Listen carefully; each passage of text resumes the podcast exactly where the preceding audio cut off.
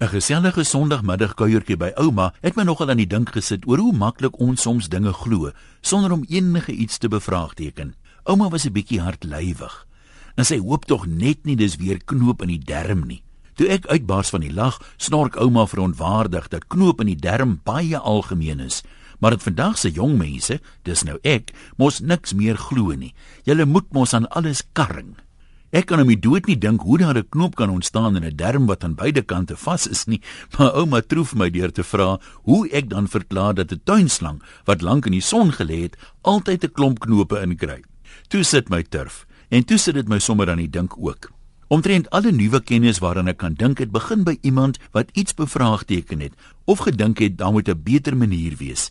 Aanvanklik is daardie persoon gewoonlik meer as net skeef aangekyk, totdat die nuwe kennis later algemene kennis word. Toe Copernicus met die nuwerwetse idee kom dat anders as wat die Bybel sê, die aarde nie op pilare staan nie, maar rond is en om die son wentel en nie die son om die aarde nie, het die kerkvaders hom dadelik toegesluit en die brandstapel so lank begin pak. Hoe durf hy eeueoue wysheid so bevraagteken? Hier's nog 'n ware verhaal wat vandag moeilik is om te glo. In 1847 het Dr Semmelweis in Venesië se algemene hospitaal begin werk. Destyds was kraamkoors verantwoordelik vir 35% van die sterftes onder vroue in die kraamafdeling.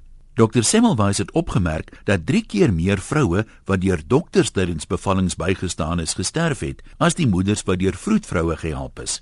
Hy het begin wonder waarom sou die mortaliteitssyfer by die geleerde dokters dan 3 keer hoër wees. By nadere ondersoek was die enigste verskil wat hy kon vind dat die vroedvroue voor die bevallings hulle hande met 'n seepoplossing gewas het, maar nie die dokters nie. Hy het sy bevindinge gepubliseer, maar die dokters het so erg daardeur beledig gevoel dat hy van hulle verwag het om soos eenvoudige vroedvroue ook hande te was, dat hulle semmelwys dadelik as kollega verwerp het, sonder om enigsins verder oor sy bevindinge te dink.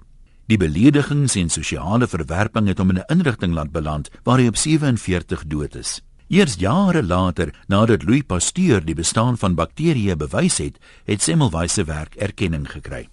Nou kan ek nie help om te wonder hoeveel goed wat vandag algemeen geglo word, nog eendag as verkeerd bewys gaan word nie. Dalk moet ons meer dinge bevraagteken, maar ongelukkig gaan dit mos nie goed af by die meeste lede van die menslike trop nie.